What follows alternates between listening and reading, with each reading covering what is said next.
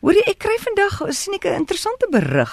Uh die opskrif is dat ons elke jaar of liewer die aarde word elke jaar vroeër opgebruik.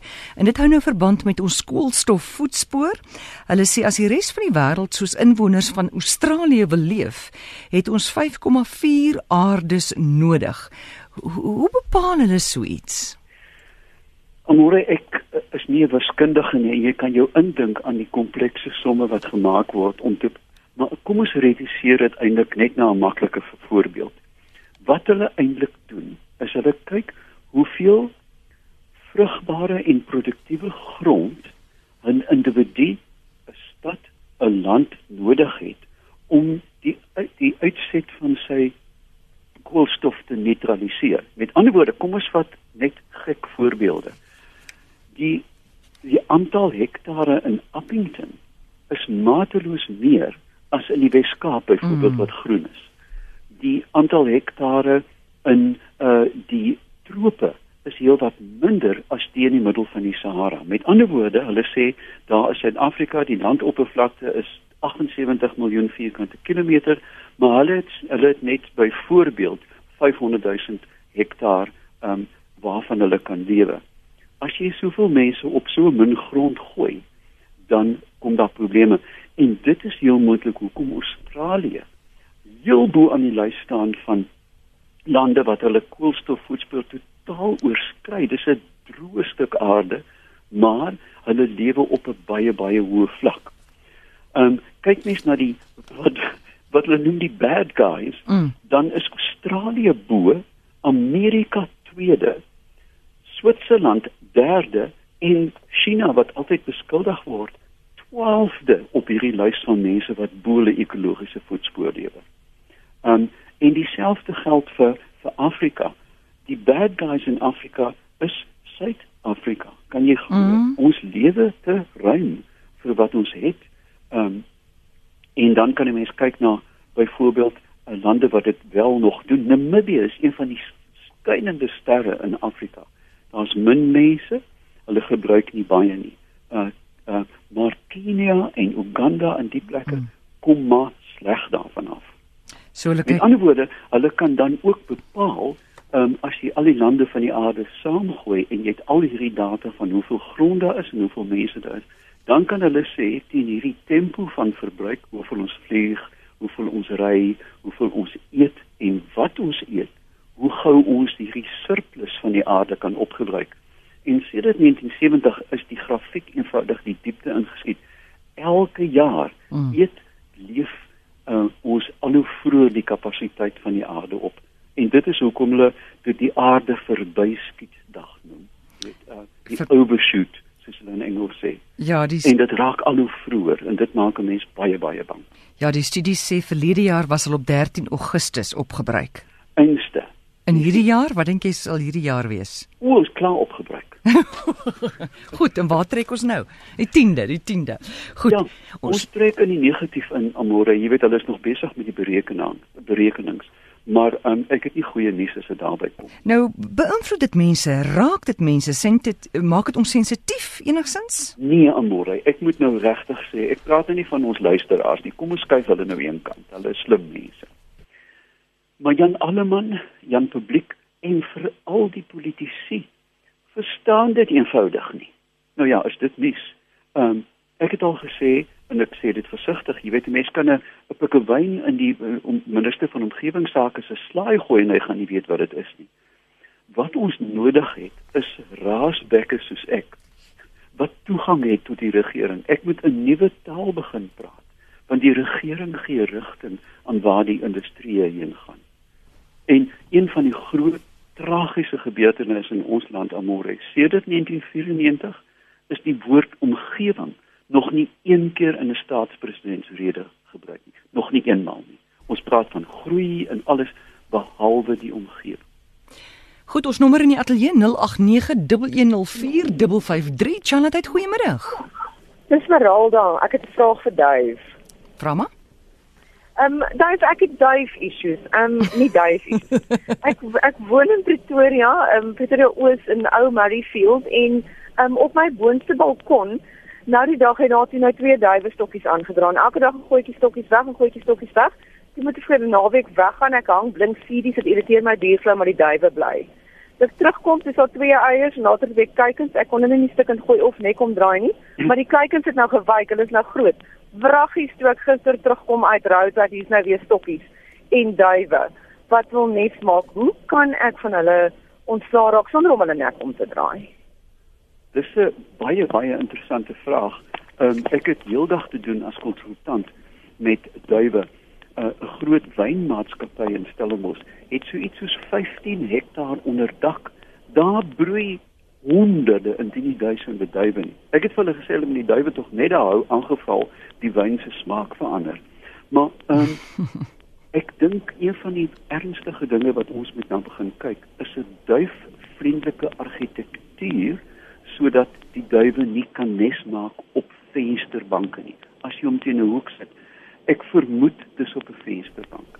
Skryf jy 'n stukkie karton, die die die die wyte en breedte van die vensterbank en stel hom teen 'n hoek van 30 of 40 grade. Dan kan hy die stokkie nie daar neersit nie. Maar um, ek sal Skus tog. ook hulle sal nes maak op die grond. Dis altyd op 'n lysie. Hmm. Maak die lysie ontoeganklik. Met ander woorde, al is dit karton, jy kan hout gebruik, maar maak hom teen 'n hoek sodat die stokkie nie neergesit kan word.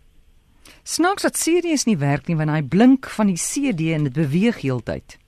Amore, daar is hoeveel kartoeters om duwe van gebou. Het jy al die speeltjies gesien wat so draai? Mm. -mm. Want hulle sit so 'n piramide van speeltjies Mm. wat flits. Die duwe kry net vir hulle donker brille. Jy het geen idee nie. Nee, ek is ernstig. Ja. Ja. Jy weet, mense die ou skieters gekry wat gaanse van die weet eh, wat hulle noem karbiet skieters. Ek het gesien dat skaanse gaanse op die skieter sit en hop as die ding afgaan. Die gereeldheid van die stimulus raak hulle raak hulle gewoond aan. As jy eenmal die dag vir 'n halfuur series ophang, gaan dit werk, maar nie heeldag nie. Goed, ons vat nog 'n oproep. Chanatheid, goeiemiddag. Aries, hallo. Goeiemôre Amorey. Hi. Ek wil graag vir Dave iets vra. Hierdie gaan dalk nou sy 19 miljoen wees wat hy nie weet nie. Ja. Um Dave, dis Dave wat praat. Ek wil nou graag net weet, mense met blou oë, so oë is geneig tot meer ligsensitief. Wat sal die rede daarvoor wees? Ek die enigste oë wat meer ligsensitief is is die van albinos. Ehm um, uh, is jy 'n oogkundige? Dave, is jy o- oogkundige? Nee, ek het blou oë en ek sukkel verskriklik en ek het al met oogkundiges gepraat Uh. en hulle sê mense met blou oë het 'n geneigtheid tot meer ligsensitief uh oë wat ligsensitief is. Dan vra jy nie vir hulle hoekom nie. Hulle kan nie vir my sê nie. Nou het ek gehoor hy gaan vir my kan sê. Nee, ek, ek, ek kyk kom ons begin weer wat ek gesê het. Die die op die skaal van ligsensitiwiteit is daar aan die een kant uiteraard Dave, ek moet jou groet want die lyn is swak. Praat maar jy. Dave Hallo? Peppler, ja, jy kan maar ja, praat. aan Gaan die een aan. kant is daar die albino Mm. uh, wat baie lig sien. Ons soos ons weet, jy weet hulle moet donker brille dra. En dan aan die ander kant is daar mense uit die trope wat gewoond is aan die intensiteit van die lig. Nou blou oë soos blonde hare kom uit die noordelike halfrond waar die mens aangepas is vir lae ligtoestande. En die uiterste vorm daarvan is netlik rooi kop. Kyk, daar's 4% van die wêreld het rooi kop en dit kom almal in IJsland, Skotland daar rond voor. Ehm um, so die die ligsensitiwiteit het te maak met 'n genetiese oorsprong vermoed ek omdat hy uit die noordelike daar is geen blou oë in Afrika nie. Ons weet dit mos nou uh in in die klassieke Afrika nie. Maar dit kom met die immigrasie van westerlinge uit die noorde. Nou hierdie sensitiwiteit dink ek um, is nie oor erflik nie. Dit is maar dit is baie moeilik dink ek om te meet. Dit is dalk gering. En dan is daar individuele individuele verskille. Met ouderdom raak 'n mens uiteraard meer ligsensitief. Ek weet dit vir 'n feit ek dra deesdae donker brille dit lyk soos 'n insek maar uh, Ja. nee, ja maar maar ek dink dit is 'n artefak van 'n noordelike herkoms Chanatheid, goeiemiddag. Uh, goeiemiddag almore, dis Martie Kulman hier van Vanderbijl Park. Ek wil graag vir Duif vraag vra of 'n oplossing vra. Uh ek is 'n groot diereliefhebber en ek behoort aan 'n Facebookblad waar ons almal verskriklik lief is vir katte. En in die laaste maand kan ek uh, met oortuiging sê dat daar geweldig mense is wat katte vergiftig en katte doodmaak en op al die wreedste maniere moontlik die diertjies uh, seermaak. Ehm um, is daar nie 'n wet of iets waarmee ons hierdie onskuldige ou wesentjies kan beskerm nie? Genade. Ehm um, ja, kyk, Kan ek by die radio luister almôre? Enige tyd? Dave? katte. Ek is 'n is een van die groot katliefhebbers. Ek het twee katte gehad, Misty en Ballies. Nou Ballies, uh, jy weet hoekom sy naam dit was, maar ehm um, katte is kwaaddoeners. Katte slaap netjies op die kussing tot jy gaan werk en dan vreet hy 50 kanaries op voor jy terugkom. En ek dink katte loop ook rond vir al mannetjie katte. Ek dink as 'n mens jou katte gaan regmaak of soos baie mense sê verkeerd maak, gaan jy die probleem in 'n groot mate oplos. Hier 'n kat wat loop is gewoonlik nie reggemaak nie. En um, dan kan 'n mens ook uh, vir jou kat 'n klokkie aansit. Ek weet nie of daar 'n toename is nie, ek weet nie daarvan nie, maar natuurlik daar is dierebeskermingswette ehm um, wat jy kan as jy die man of vrou kan vang. Maar aan die ander kant met kateienaars dan ook seker maak dat hulle katte nie kriminele is. Goed, so uh, wat is die antwoord daar? Klokkie aan die kat? Klokkie aan die kat en uh Regmaak. Uh, en uh, die mes. Die mes. Ja. Goed, 0891104553. Goeiemôre. Hallo. Ja. Ja, praat maar. Hallo. Man, ek het ook 'n kat related ding wat ek graag vir duiwel vra. Ek het twee katte. Ehm um, en so julle rukkie terug het ek kloor in my swembad gegooi.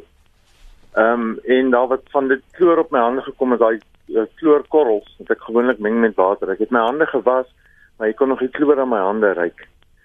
En die twee katte vir my het heeltemal mal gegaan om teen my hand te vryf en aan hom te lek en hulle het myself gebyt. Dit was my heel snaaks en omtrent 'n maand later selfe ding gedoen, hande gewas, maar hier ryk nog die kloor. Al twee katte weer vreeslik mal gegaan oor my hand vir so 10 minute en toe draai hulle net om en hulle loop weg. So dit sal nogal vir my interessant wees om te hoor wat het hy daaroor te sê. Ek sal by die radio luister hoor. Goed, dankie. Jy wil jy nog 'n vraag vra? Hallo. Hallo, nee, jy- nee, nee, ek ek weet die storie. Het jy die storie goed? Kyk, ek weet niks van kloor in katte nie. Mm. Nou wat ek wel weet, is dat katte baie gou aan hulle eienaars wys indien daar 'n vitamien of 'n 'n mineraal element tekort is. Ek wil voorstel dat die luisteraar onmiddellik na sy kat se voeding kyk. Daar eers kan ek jou waarborg, is daar 'n tekort. Katte lek aan aluminiumstoele, katte dra blare aan. As jy dan dit na die plant toe terugvoer, mm. kan jy gewoonlik uitvind wat die tekort is. Ek sal 'n bietjie navorsing doen, maar ek kan die luisteraar byna waarborg dat as 'n kat aan 'n vreemde ding begin lek soos kloor, Ja. dat daar eers anders in sy dieet 'n tekort is. So daar's 'n element in daai kloor, daar wat hy kort. dit- 'n kloor is is is 'n uh, 'n 'n kloried, jy Mm. weet. Ehm um, maar dit kan dalk 'n artefak wees van wat hy eintlik soek. Uh, uh, ek ek Mm. sit my kop op 'n blok, daai kat het een of ander element of spoorelement tekort. So hy moet wat doen na die veearts toe gaan en kat se bloed toets. Ek gaan wat die eerste ding wat ek gaan doen, gaan gou 'n bietjie navorsing doen want Mm. ek het een keer op hoe verklaar jy dit 'n wonderbaarlike storie uitgewerk van 'n kat wat wat 'n Kersroosblare aangedra het en dit het gewys op 'n Vitamiin D tekort in sy dieet. Ja. Ja. Dis So, oulik. Laat ek eers gou 'n bietjie Ja. huiswerk doen. Vra die luisteraar om, om na my uh, Facebook-blad by Mm. mm. Peppler te kyk vanaand en miskien is daar 'n antwoord. Andersins sou ek die die voeding minder uh, tafelkos gee Mm. en meer gebalanseerde kos. Dave, nou wanneer toer jy weer?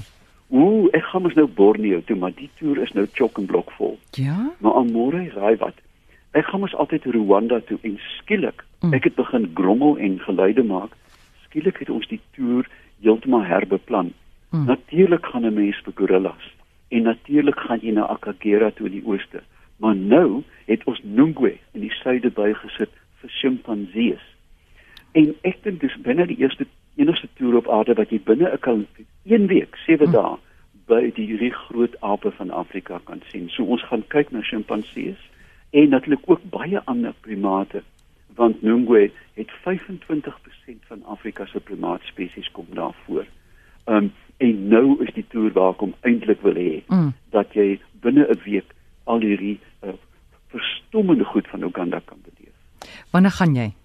Ehm um, dis hier vroeg in Jan uh, of laat in Januarie. Ek sal dit ook op die Facebook bladsy plaas, Mm. maar as ek dit reg het, is dit 28 Januarie tot 5 Februarie. Goed, so mense kan nou 'n draai gemaak by jou Facebookblad of Live the Journey, né? Of live the journey. En dis Uganda toe in Januarie. uh, Rwanda. Rwanda, okay. Ja. Jy het Rwanda gesien, toe Uganda. Okay, goed, Rwanda. Het ek Ja, toe maar, toe maar ons almal word oud. korreksie. Jy gaan nie daai gong slaan vir 19 nie. Dis slegs 'n korreksie. Jy hoop so. Dankie Dave.